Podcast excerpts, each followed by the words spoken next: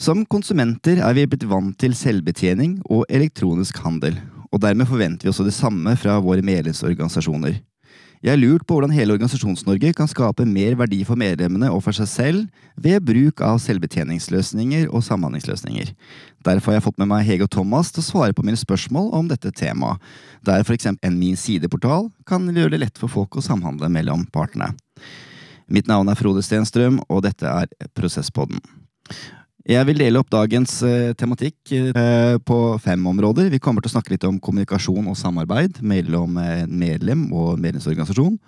Hvordan vi kan optimalisere administrasjon og oppfølging av medlemmene. Litt om tilretteleggelse, ressurser, opplæringsstøtte. Iverksettelse av sikkerhet og personvern, som blir alltid tema i disse portalene. Og hvordan vi kan måle verdiskapningen til slutt. Thomas, velkommen til studio. Ja, takk, takk. Eh, jeg heter Thomas og er prosjektleder i Prosesspilotene. Jeg har vært der siden 2021. Og i dag så jobber jeg egentlig primært med medlemsorganisasjoner blant mine kunder. Ellers så har jeg 20 års erfaring eh, med CRM-løsninger. Jeg ramla egentlig inn i CRM-verdenen sånn helt ved en tilfeldighet år 2000. Og det var eh, som hånd i hanske. Jeg har aldri snudd meg og sett tilbake i det hele tatt. Det er det jeg skal drive med resten av livet. Brenner egentlig for kjerneprosessene da, innenfor salg, marked og kundeservice. Og liker egentlig at ting er enkelt, forutsigbart og krystallklart. da. Så det, det er meg, da. Velkommen hit, Thomas. Thank you. Og til Hege, velkommen. Takk, takk. Ja, Thomas, det er morsomt du sier det her om eh, CRM. Det har vel vært litt sånn for meg òg. Jeg har mm. også jobbet med CRM i over 20 år. Og så vidt prøvd andre områder, men jeg syns jo CRM er mye morsommere siste tolv årene så har jeg jobbet med da, denne plattformen som vi jobber med her, Microsoft Dynamics-plattformen. Og jobbet mye mot medlemsorganisasjoner. Eh, så hjulpet de med å implementere CRM og erstatte dagens løsninger, som ofte er eh, litt eh, utdaterte og proprietære. Eh, takk til, Velkommen til dere begge to. Jeg skal begynne med det første deltemaet vårt, som, het, eh, som går på dette med kommunikasjon og samarbeid. Medlem og medlemsorganisasjonen. Og jeg innledet jo med begreper som Min side og samhandlingsportal eller samhandlingsløsninger. Eh, men Thomas, hva er egentlig en samhandlingsportal? Ja, Det er egentlig et ganske stort tema, men uh, tenker egentlig sånn i sin enkleste form så er en samhandlingsplattform det er egentlig en digital plattform hvor man kan samarbeide, kommunisere og dele informasjon. Eh, og det gjøres da enten internt med egne ansatte osv., eller man jo også da tilbyr å ha den dialogen med eksterne eller andre aktører.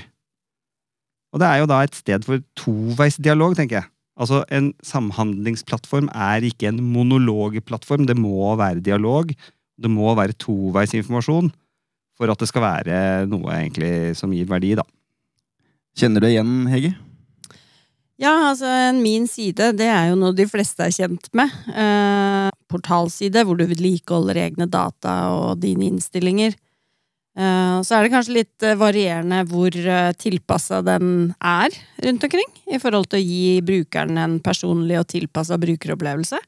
Men det jeg liker med ordet samhandlingsportal, da, det er jo at det beskriver litt av det vi ønsker å oppnå.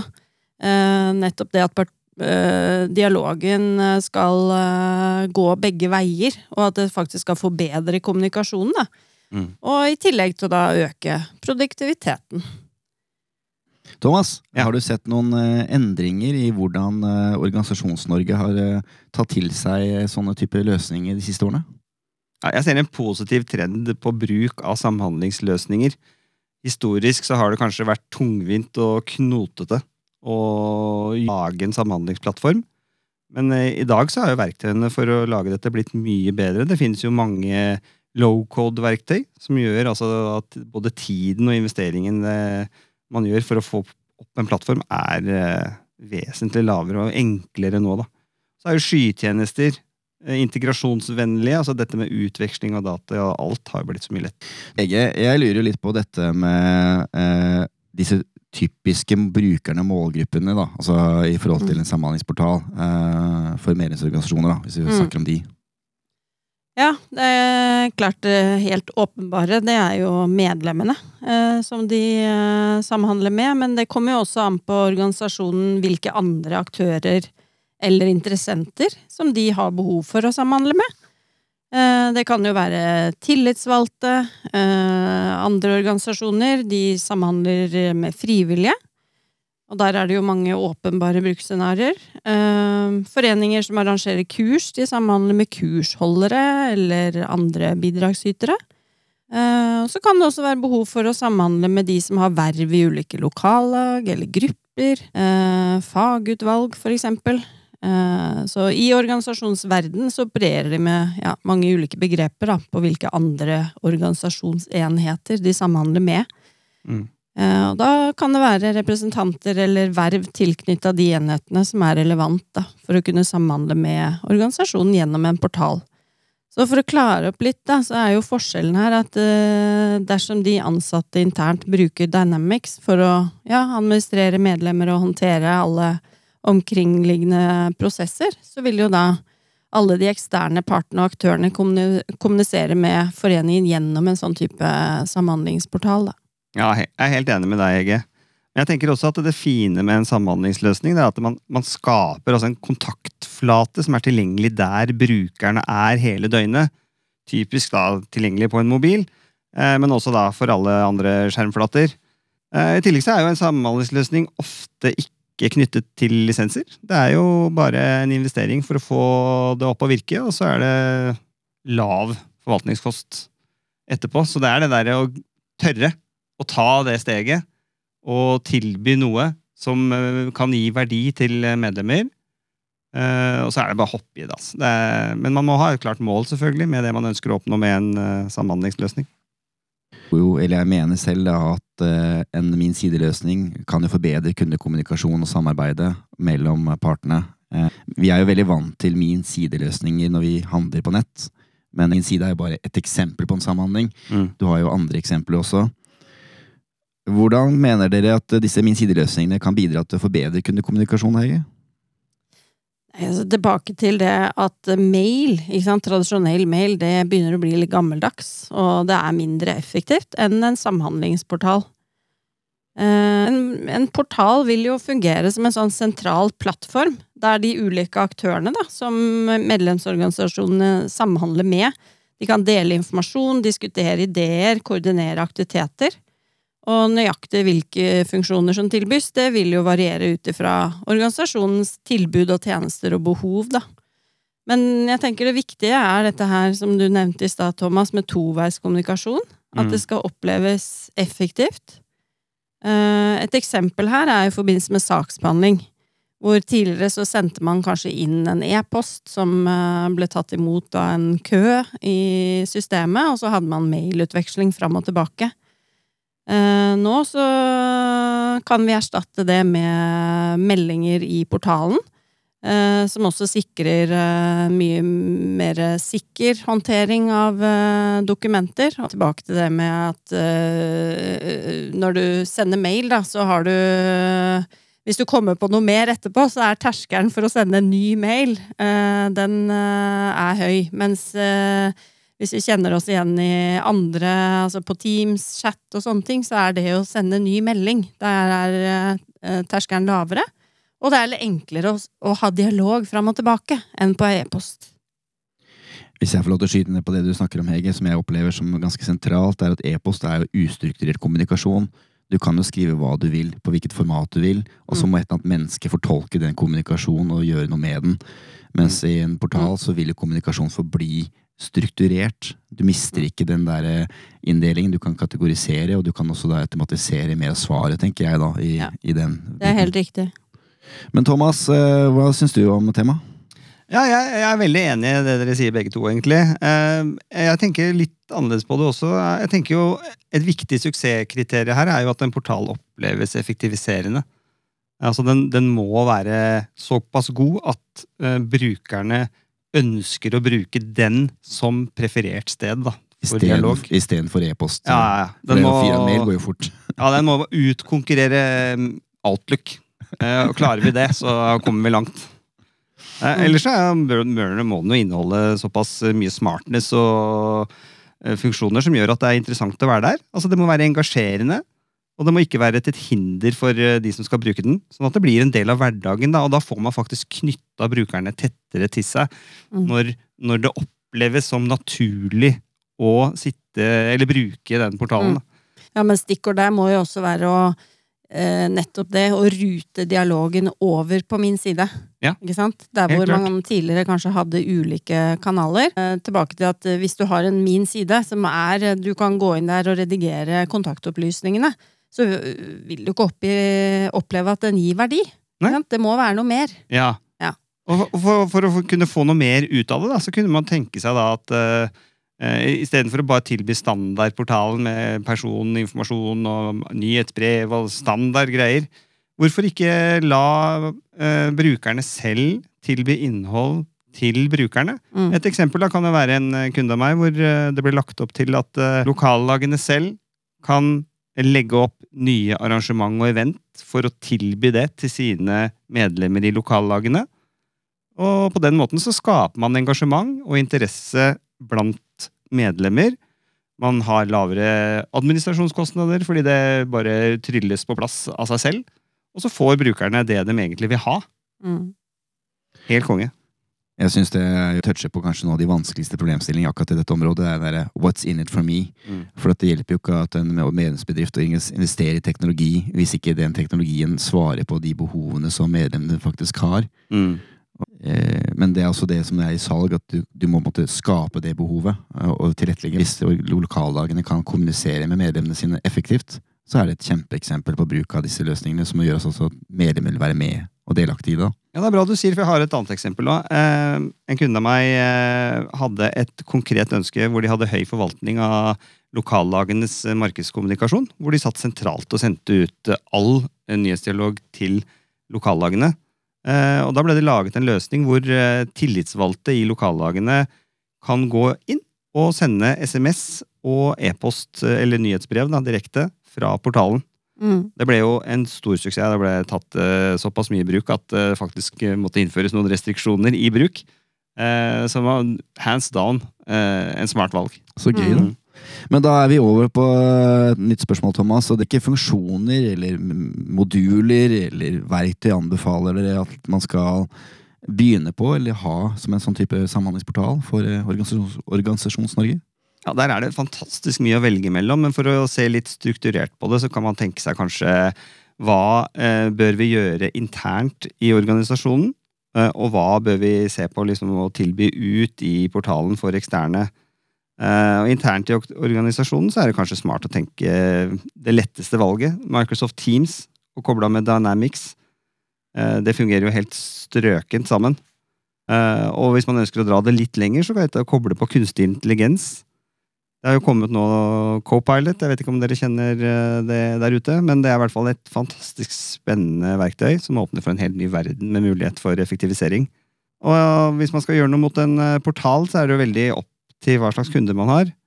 Men eh, dra det litt lenger enn det grunnleggende. Ikke vær lik alle andre og ha en A4-portal. Jeg syns jo det er spennende det du sier her, Thomas, for jeg opplever jo at eh, min sidekonsept er blitt standardisert på tvers av alt som er nettsider, med profil, min bedrift, min samtykker og den type ting. Men eh, det å på en måte dra det litt lenger med å kunne få involvert eh, lokale lag, eh, få involvert eh, eh, kommunikasjon direkte, eh, lage et community, rett og slett. Mm. Det er jo da man får Da treffer vi personene og ikke teknologien. Men Hege, har du noen tips på type funksjoner og områder du brenner for? Mm. Ja, eh, en ting vi kanskje ikke har nevnt, det er jo dette her med meldingssystemer og varslinger. Eh, som sikrer at eh, du vet at nå er det noe ny informasjon eh, tilgjengelig på min side. Eh, ellers så kan det jo fort eh, gå i glemmeboka hvis det er sånn at du må logge deg på for å sjekke om noe er nytt. Så Litt det sånn som de har på sosiale som- medier, sånn ved Ja. Facebook og Ja. Instagram med siste meldinger og sånn. Ja, det tenker jeg er essensielt. Um, ellers er jo en uh, organisasjon som jeg har jobbet mye med, har innført uh, saksbehandling og dette her med samhandling om dokumenter. Så fordelen det er jo at du gjennom en portal da får en mye mer sikker deling av dokumenter. Uh, for det kan jo ofte være sensitive opplysninger som helst ikke bør deles gjennom e-post. Og da er portal en ypperlig måte da, å dele den type dokumenter på. Noe av det som frustrerer mange, det er vel også dette her med gjenfinning av informasjon. Hvor var det jeg fikk det svaret? Var det på mail, SMS eller via en portal, eller hvor var det hen? Åh, det skjer meg stadig vekk, som har litt sånn uh, gullfiskhukommelse. Så litt det der med å strømlinje informasjonsflyten, da, sånn at du uh, vet at det er i portalen du finner informasjonen din. Da er det en enkel gjenfinning. Tenker jeg også er uh, gull, da. I det du snakker om nå, så er det jo sånn at uh, det er en erkjennelse som jeg har sett gjennom de prosjektene jeg har vært med på sjøl, og det går at veldig ofte så er saksbehandling i mange sånne typer organisasjoner dokumentrettet. Man sender et skjema, eller man sender et dokument, og så skal det behandles, og så skal det lages et dokument. Men i de prosjektene jeg sjøl har vært med på, uh, ser jeg jo at med betydning at dokumentet blir mindre viktig, for det erstattes med strukturerte data og strukturerte skjema. Mm. Og det som er gøy med det, er at i øyeblikket ting er strukturert, så er det lettere å kommunisere, rapportere og bearbeide maskinelt etterpå. Eh, Mm. Og det er eh, en av de virkelig store tingene. Mm. Hvis, når vi vet at EU kommer med nye regler, eh, NCIS-regelen går på eh, dette med eh, informasjonssikkerhet, at firmaet har kontroll på den dataen de eier, så vil sånne samhandlingsportaler være veldig virkelig. For istedenfor å sende dokumentene fra seg, og ikke lenger ha kontroll på firmas data, så vil jo all data nå være lagret i barrieren og styrt av firmaet. Mm. Så det er eh, så det er som jeg mener at portalene ikke bare at de gir den biten med på compliance, men de vil også legge til rette for kunstig intelligens, som du var inne på, Thomas Copilot. Altså det å kunne eh, svare, skrive et svar strukturert opp Mm. eh, i det nettopp eh, det eh, området. Det kommer til å bli spennende framover, tenker jeg. Eh, Ja. Hvordan vi kan utnytte eh, AI i forhold til eh, sånn som det, det temaet jeg var inne på nå, med gjenfinning. da. Ja, ja. Og utny så innføre en type chatbot for å Som du spør, da. For å finne informasjon. Hvordan gjør jeg? Og så videre. Eh, så der hvor man tidligere lagde sånne kunnskapsartikler som du skulle slå opp i, ikke sant, så vil du her få automatisert mye mer av uh, disse brukeropplevelsene, da. Og det syns jeg er kjempespennende, Hege. og Det at du, eh, for søk og informasjonsgjenfinning er noe vi bruker mye tid på, alle mann. Og det at man kan bruke sånn en chatbot og stille et spørsmål og få riktig svar, og en referanse til svar, at ikke det er sånn helt chat-GPT, generelt visvasvar, men det er det konkrete tingen, da. Men Thomas, eh, jeg lurer litt på hvordan skal man, eh, hvis man er en medlemsorganisasjon og har hørt på noen av de eksemplene vi har nå, hvordan skal man klare å, å finne ut av hvor man begynner igjen? Det er superviktig ikke glemme at eh, man har brukere der ute også. Det er veldig veldig vanlig at man ser på seg selv og hva vi ønsker med vår portal. Hvordan kan jeg få en lettere hverdag i min eh, arbeidssituasjon? Og så glemmer man eh, medlemmene sine ønsker, eller tillitsvalgte sine ønsker, eller andre videre.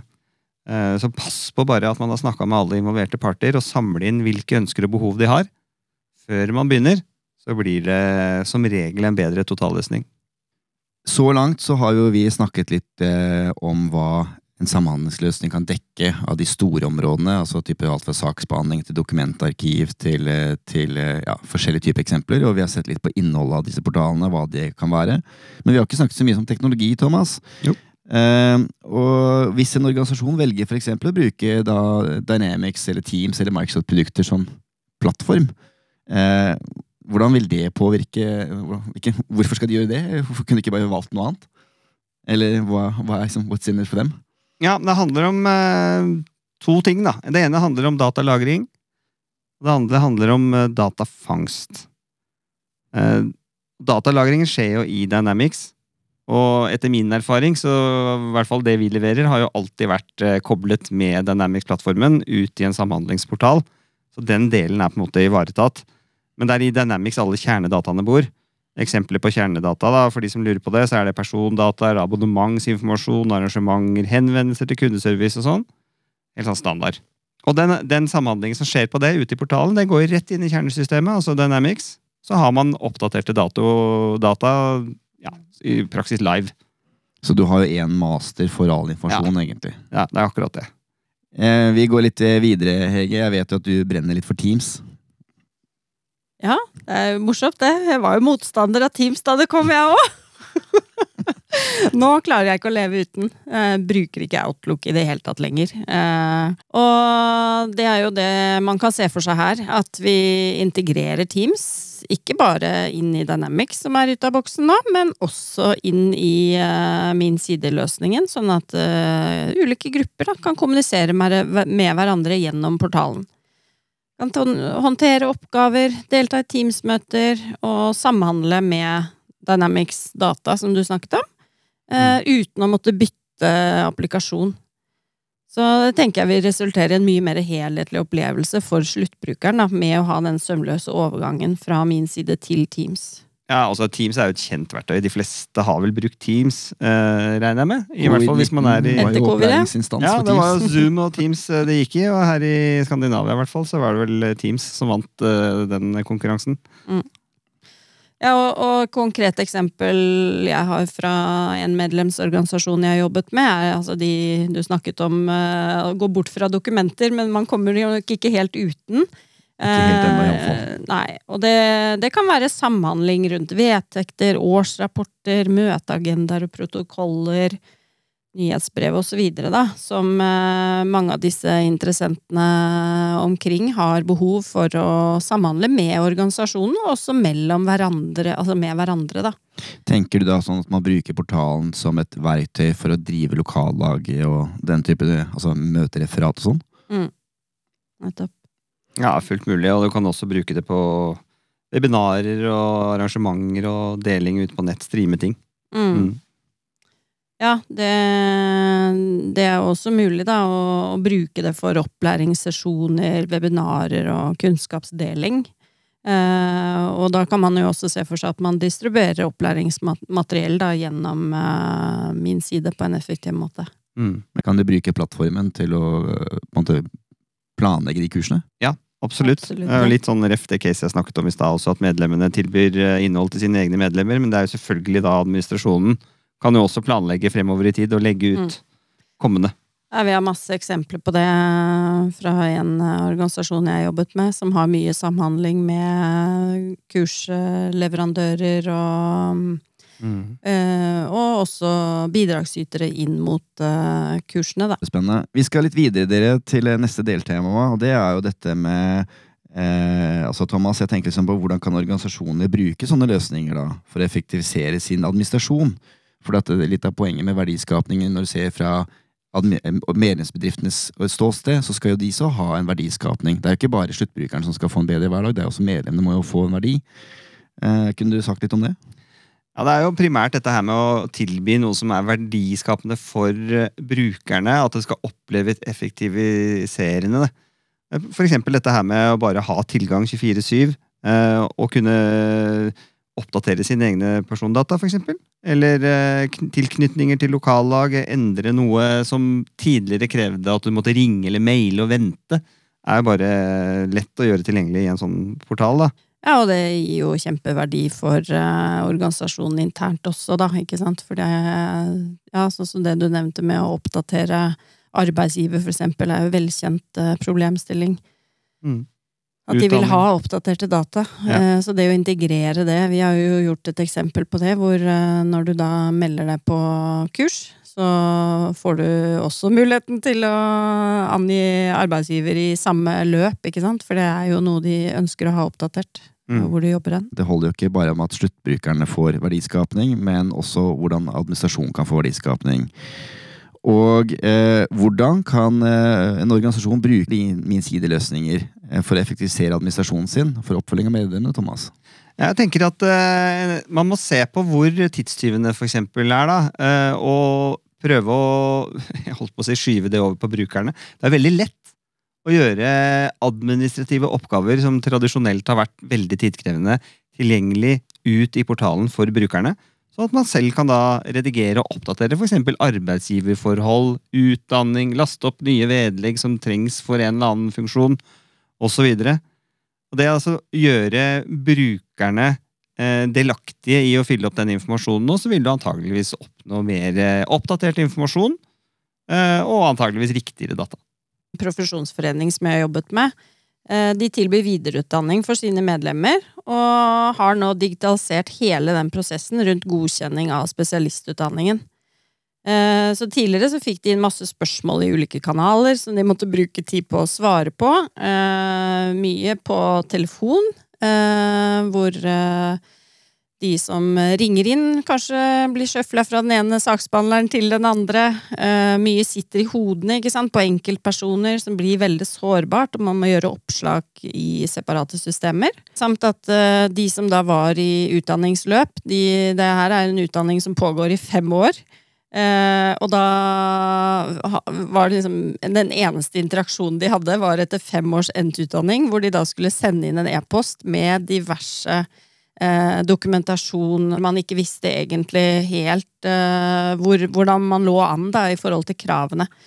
Og da tok det flere uker å behandle en søknad. Så det vi har gjort der, er at vi har bygd opp hele den utdanningsstrukturen i Dynamics, da, som foreningen uh, bruker, og har da full oversikt og innsikt over hvor medlemmene og andre er i, i løpet. Og at vi liksom speiler det ut, sånn at uh, sluttbrukeren her får uh, se akkurat hvor de er. hva de har levert av dokumentasjon osv. Stilig. Jeg har et uh, lignende eksempel på effektivisering av administrasjon. Uh, en kunde jeg jobbet med, jobber med å koordinere hva norske produsenter skal produsere, samtidig som de også skal koordinere hva leverandørene til butikker i Norge ønsker å levere. Hele den samhandlingen der var tidligere håndtert med Excel og manuell koordinering i det lille teamet som drev med det. Og til i dag eh, har jo den løsningen nå blitt heldigital i Dynamics. Og fulleffektivisert med alt ifra varsling og purringer og sånn, som tidligere var manuelt. Fullt eh, automatisert. Og det har jo vært eh, fantastisk effektiviserende for den eh, bedriften.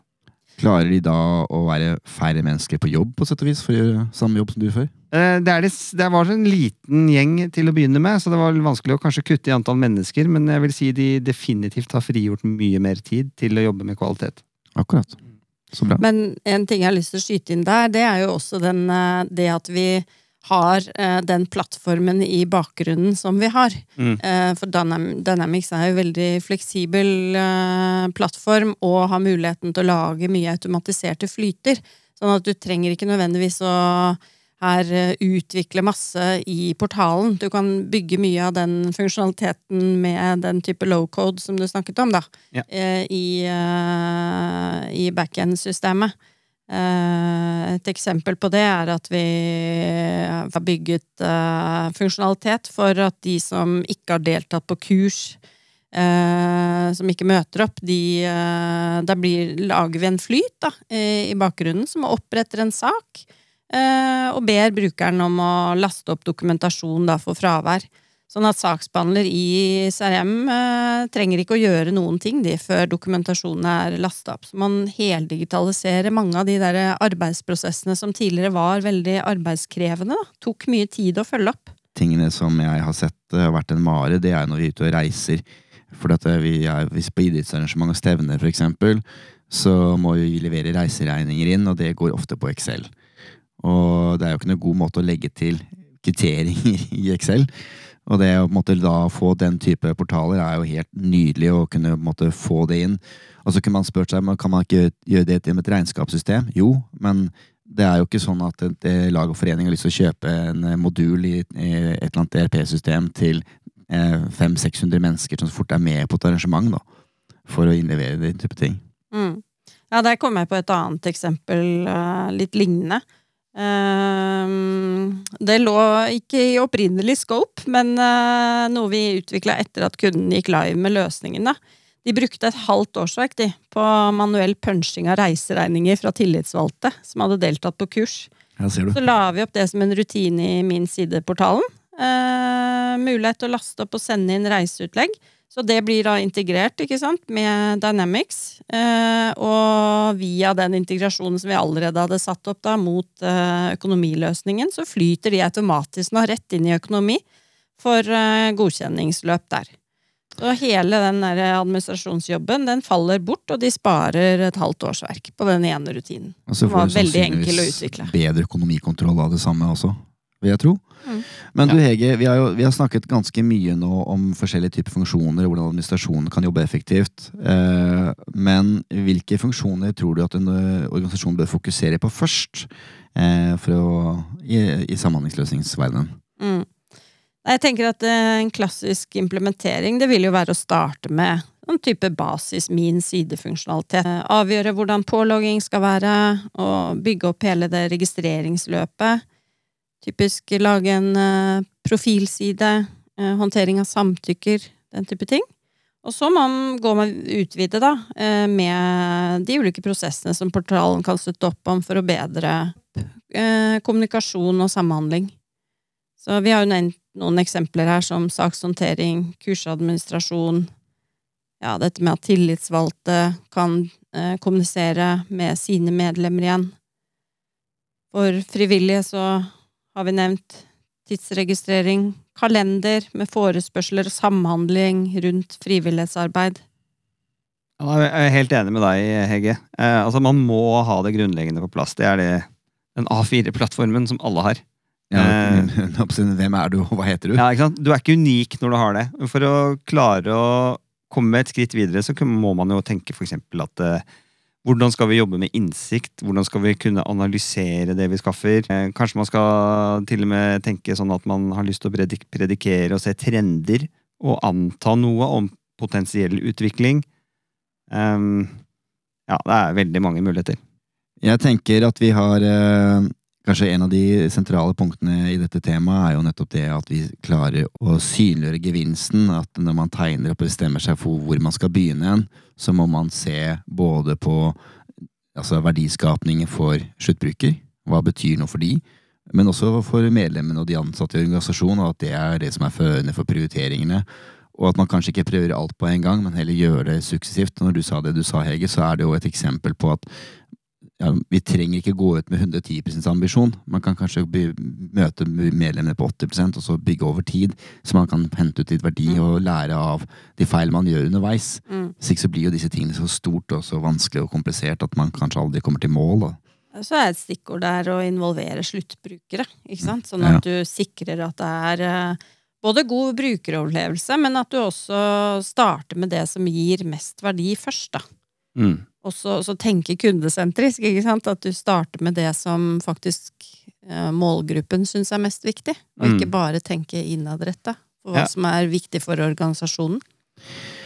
Jeg tenker vi skal gå litt videre, og en av de tingene som jeg syns er spennende eh, i sånne samhandlingsløsninger, det er ressursstyring, opplæringsstøtte. Vi har snakket litt om kurs og sånn i dag.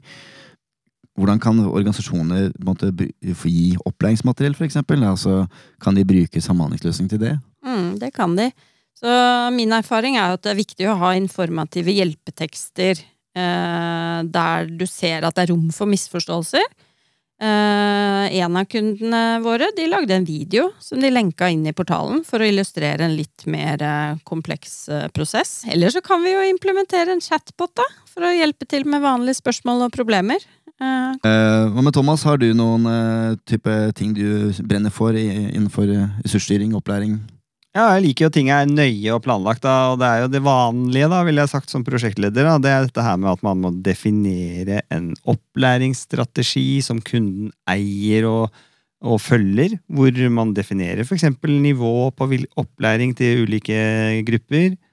Man må definere hvordan opplæringen skal tilbys, om det skal være e-læring, klasserom, selvstudie osv. Og, så og tilhørende en opplæringsstrategi så må man også ha en plan. Og Det er et tema som veldig mange hopper over eller glemmer eller ikke vet. Det hjelper ikke å si at vi skal være gode på noe hvis vi ikke gjør det. Og det å ha en opplæringsplan som eh, da bare helt spesifikt sier når vi gjør det, det er nøkkelen for å lykkes. Det er jeg helt enig i. Eh, Jeg tror litt utfordringen her er at eh, veldig ofte når det kommer til prioriteringer, så velger mange bedrifter teknologi fremfor mennesker. Og hvis man har eh, klart å, å få på plass en portal, og så lurer man på om den blir brukt, eller hva man bør gjøre videre, og hva er behovet, må man jo kunne måle, gjøre noen målinger. Eh, Thomas, liksom, hva er, eh, hvordan, hvordan går man frem? Jeg tenker at eh, Det er viktig å ha tenkt på det fra starten av dette med datafangst. Det er ikke alltid man rekker å tenke på det fra starten. Kanskje man innfører en portal når man har hatt et CRM-system i mange år. Uh, uansett så er det i hvert fall viktig hva man ønsker å oppnå med portalen. Uh, og da tilrettelegge sånn at man i hvert fall får fanga det man klarer av nøkkeldata. Og da kan man bruke det da til å måle bruk av portalen. For eksempel da passive brukere, de som er mest aktive, de som kanskje må minnes på noe, eller må sendes noen varslinger til noen. Eh, eller hvor en portal brukes. Er det PC? Er det mobil som er mest brukt? Når på døgnet? Det er helt utrolig masse man kan fange. Man må bare tenke på det. Ja, i hele fasen. Mm. Hva tenker du om det, Hege? Nei, vi har jo gjort noen sånne små grep, som å legge igjen noen spor da, på når eh, er du sist innlogget, når oppdaterte du dataene sist, for eksempel når oppdaterte du sist din arbeidsgiver. Eh, så da er det mulig å følge opp. Eh, hvis det er noen som ikke har vært inne i portalen på veldig lenge, så er det jo noe, da kan man jo gå ut og minne om at kanskje trenger å gå inn der og oppdatere. Vi kommer ikke unna det uendelige temaet eh, personvern og sikkerhet. eh, hvis vi nå lager en portalløsning eh, hvor eh, mye av firmadataen også blir lagt ut på nett, så blir jo dette et sentralt tema, Thomas. Hva vil du si er de viktigste sikkerhets- og personvernsutfordringene som vi må være oppmerksom på? Ja, altså det er jo ikke en enkel sak å bare pælme masse persondata ut i en portal og tro at det fungerer uten å ha tenkt på sikkerhet. Så det man må minimum tenke på i en eh, implementering av en portal, det er eh, dette med ja, sikkerhet som tema. Tilgangskontroll, personvern. GDPR har vi ikke prata om, det vet jeg ikke om jeg orker å prate om i dette, denne podkasten, for det er så stort. Men eh, alle disse tingene her må vi jo prate om. Ja, jeg Mm. kan si litt om det. Altså, man må jo sørge for at implementeringen er i samsvar med GDPR og andre relevante personvernreguleringer. Da må man ha klare retningslinjer for innsamling, behandling og lagring av personopplysninger. Og ja, du må informere brukerne om hvordan dataene blir brukt og hvordan informasjonen deres blir delt. Og det kan du gjøre ved å implementere en personvernerklæring eh, i innmeldingsløpet for å Mm. informere om disse tingene. Så jeg har jo vært med på å utvikle en sånn innsynsrapport. Det var en forening som De hadde kanskje bare to til tre henvendelser i året. Eh, Men det, ja, da brukte de et ukesverk eh, på å sammenstille de dataene. På hver henvendelse? Ja, På hver henvendelse. Ja, men det tenkte jeg, en kjempemanuell jobb, ikke sant? Eh, Så der eh, utvikla vi rett og slett en totalrapport, som vi kalte det, som du kunne bestille da via portalen. På noen sekunder så ble den generert og distribuert da gjennom min side. Jeg vil jo si at det er virkelig tillitserklærende. Jeg har prøvd å spørre og se etter mappa mi hos en del leverandører som kontakter meg uten grunnlag, og jeg har til gode å få et eneste svar. Og jeg vet jo at en av GDPR-kravene er at du har rett til å se mappa mi, på sett vis. Mm. Så det er en kjempespennende ting, Hege. Men er det noen andre eksempler her, Thomas? Ja, jeg snakka veldig overordna i stad, men jeg har jo litt eh, tips sånn rent konkrete hva man bør tenke på. Det første er jo det alle kjenner, dette med å jobbe over krypterte linjer. Altså, alle kjenner jo til HTTPS i nettleseren sin. Eh, De som ikke gjør det, slå det opp. Eller så er det dette å ha robuste tilgangskontroll. Altså at bare de som har tilgang, har tilgang til dataene, også ute i portalen. Eh, sånn hvis du låser tilgangen i et system, så er det i sanntid eh, oppdatert ute i portalen. er jo supersmart, da. Ellers så er det jo viktig dette med tofaktorautentisering. Irriterende nok, ja. Irriterende nok, men det må man jo. Vi passer jo alltid på at det er så sømløs overgang mellom eh, løsninger som mulig, eh, og der det er mulig. Så du skal helst eh, ha en hassle-fri eh, innloggingsopplevelse, da. Jeg gjør det lett for brukerne, rett og slett. Ja. Ellers så er det jo kryptering, da. Passe på at vi har samtykker Mm. til alt vi trenger å kommunisere eller lagre. Eh, så er det jo noe folk ikke tenker på, men det er jo alltid lurt å ha en eh, revisjon en gang iblant av eh, det man har laget. At det faktisk er oppdatert og samsvar med dagens krav. Ikke minst programvare. Mm. Passe på at det er oppdatert. I skyløsninger så går det som regel av seg selv, men når man har laget noe selv, så kan det hende komponentene der må følges opp og oppdateres, så det ikke er noe sikkerhetshull. Mm. Og ikke minst dette med lagringstid og, og, og retningslinjene for lagring. Hvor lenge kan vi lagre noe? Det var litt tilbake til det du sa, personvernserklæring, at uh, Der må det stå. Hvor lenger kan vi lagre? Utfordringen, Thomas, er jo kanskje det å følge med. Eh, sant? For trusselbildet endrer seg. Teknologien og verden uh, endrer seg. Så der tenker jeg det å ha for jevn dialog med leverandøren, eh, som også støtter seg på eh, eksperter innenfor sikkerhet for å ivareta disse tingene. Ja, helt klart. Altså, det er ikke, en portal er i dag er ikke det samme som den var for ti år siden. Eh, Du kan ikke lenger bare lage noe og la det ligge. Du, det er noe du faktisk må planlegge med og vedlikeholde og jobbe med Mm. Men når vi ser på telefonene våre, disse appene de oppdateres jo daglig. Det kommer jo massevis av oppdateringer. Vi er vant til at ting kontinuerlig utvikles hele tiden. Sånn at det er Kanskje et viktig element i disse samhandlingsportalene er jo at man gjør en forbedring. da. At, Mm. man, ikke, at man fornyer seg, at man ikke bare investerer veldig mye i år igjen, og så lar man det ligge i tre år. Og så tenker jeg på et sikkerhetsperspektiv. det er jo da Vi har sett ganske mye offentlig tall nå på at antall angrep mot bedrifter, systematiske å søke etter feil, det skjer etter Ukraina-krigen brøt ut, har vokst noe helt vanvittig. Jeg ser det også her i prosesspilotene og angrepsstatistikken mot oss. Og det er ikke at de er på jakt etter oss spesifikt, men de bare leiter etter muligheter for å tjene penger. Mm. Men eh, veldig mye av det dere snakket om nå, er jo litt sånn kjedelige ting. Altså i den forstand at det er ikke veldig gøy å forholde seg til sikkerhetspatching av noen ting. Eh, hvordan kan Microsoft-teknologi spille en rolle her i dette, Thomas? Nei, du har jo skytjenester da, som ligger oppe i Microsoft Asher, for eksempel. Da. Der er det mulig å sette opp kontinuerlig oppdatering og overvåking av de tjenestene som bor i skyen. Det gjør jo at man kan eh, ta det litt mer med ro, da, eh, hvis man har gjort dette riktig, med å, å slippe å måtte følge med alt eh, manuelt hele tiden. La det være driftet av en skyleverandør, rett og slett. Ja. Jeg tenker vi skal runde av det temaet og avslutte med det siste punktet vårt, og det er, er jo dette med litt verdiskapning og resultater. Eh, Vi var litt inne på dette med måling i sted, eh, for dette, det koster jo penger å lage samhandlingsløsninger, og du vil jo gjerne ha noe resultat av det. Eh, så lurer jeg litt på Hege. Hvordan kan vi måle verdiskapningen, egentlig, i Mm. Jeg er jo litt opptatt av det her, eh, og jeg ser jo at organisasjoner eh, ikke alltid er så interessert i å måle. Men jeg tenker at det ville vært utrolig interessant eh, å se på liksom hvor mye tid som gikk med før og etter man har tatt en sånn type samhandlingsportal i bruk. Da.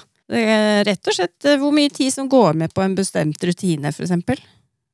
Men det viktigste det syns jeg egentlig er å måle kundetilfredsheten. Eh, synliggjøre hvor tilfre tilfredse faktisk sluttbrukerne er. Da. Eh, noe som ofte undervurderes, da man er kanskje mer opptatt av å effektivisere internt. Da. Mm. Eh, for Ja. det er jo fokus på økonomiske resultater også for medlemsorganisasjonene. Jeg er jo enig med deg, Hege, at dette med måling eh, og det du, når du snakker om kundetilfredshetsundersøkelser, er viktig. Men eh, Thomas, eh, hvordan gjør man det rent teknisk og, og profesjonalisert? Eh, hvordan kan en eh, organisasjon måle disse verdiene? Hvilke verktøy bør de satse på?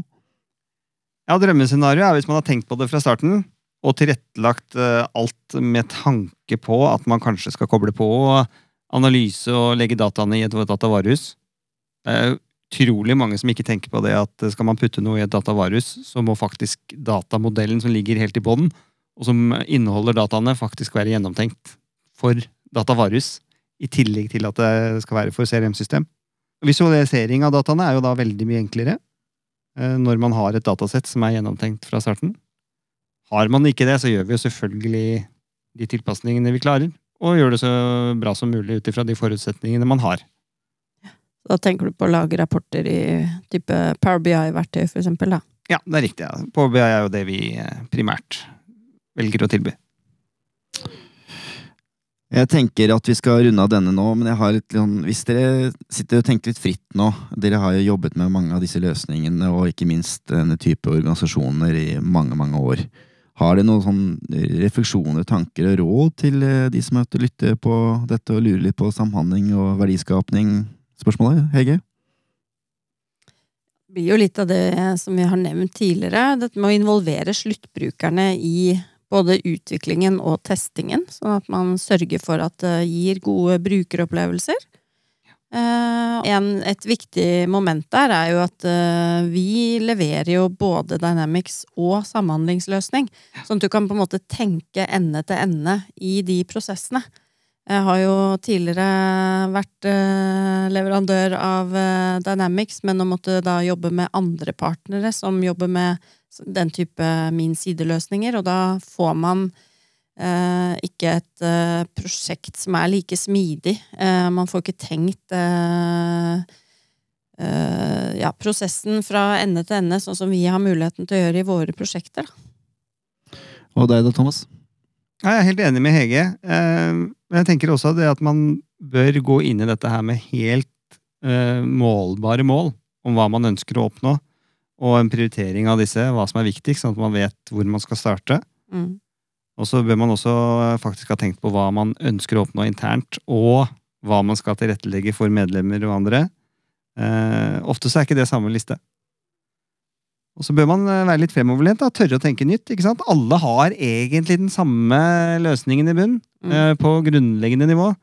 Og hvis man eh, på noen som helst måte skal klare å skille seg ut, da, så må man tørre å være nyskapende og være engasjert. altså. Jeg tror det handler litt om å bygge stein på stein òg. Ja. For det, det er i hvert fall noe jeg har erfart, at eh, selv om de så noen ting eh, i starten av prosjektet, så er det jo etter at du kanskje har gått live, og man ser hvordan det her kan eh, effektivisere, at man får flere og flere ideer da, til utstrakt bruk. Jeg tror ikke de hadde eh, så rekkevidden av det i det hele tatt eh, innledningsvis, men eh, det er liksom Når du ser hvor mye verdi det her kan gi, da, og hvilke Mm. muligheter eh, det gir, så ja, så er det ikke eh, begrensninger på egentlig hva man kan få til gjennom en sånn type samhandlingsløsning, tenker jeg. Det er vel egentlig et verktøy for innovasjon på mange måter, det du sier der, Hege. At du er også, for min del så, så syns jeg ofte at eh, organisasjonene kanskje ikke har nok kompetanse til å forstå som du sier, konsekvensen av valgene de gjør.